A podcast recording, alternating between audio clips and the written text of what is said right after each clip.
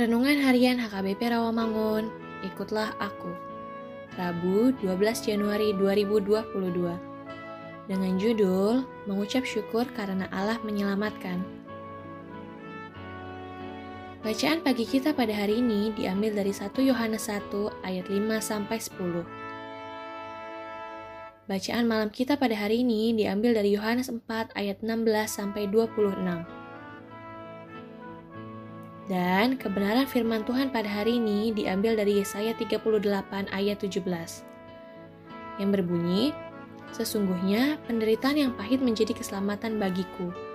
Engkaulah yang mencegah jiwaku dari lubang kebinasaan, sebab engkau telah melemparkan segala dosaku jauh dari hadapanmu.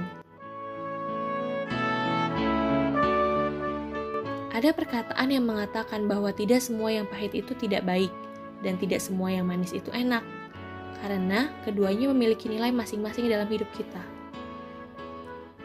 Situasi yang pahit seperti sakit, menderita, atau bergumul serta tertekan dapat semakin menyadarkan kita akan keberadaan diri kita dan siapa kita sesungguhnya di dunia ini dan di hadapan Tuhan.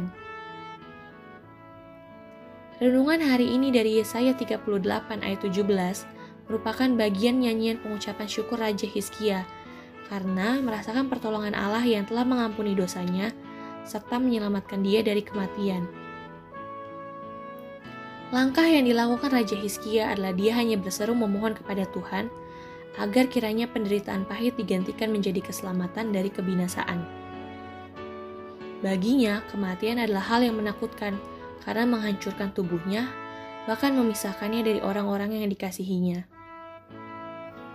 Dan sungguh luar biasa yang terjadi yakni bahwa Allah mendengarkan doa permohonannya dan memberikan kesembuhan serta pertambahan umur baginya.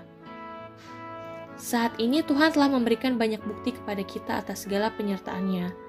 Semuanya itu patut untuk kita syukuri karena hal itu merupakan gambaran kasih setianya.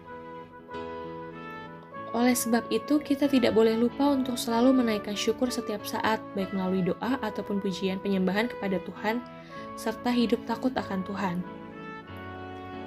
Dengan takut akan Tuhan, maka kita akan melakukan seturut dengan perintahnya. Marilah kita berdoa. Tuhan, Engkaulah sumber kehidupan kami. Pulihkanlah senantiasa kehidupan kami ketika kami menghadapi persoalan. Amin.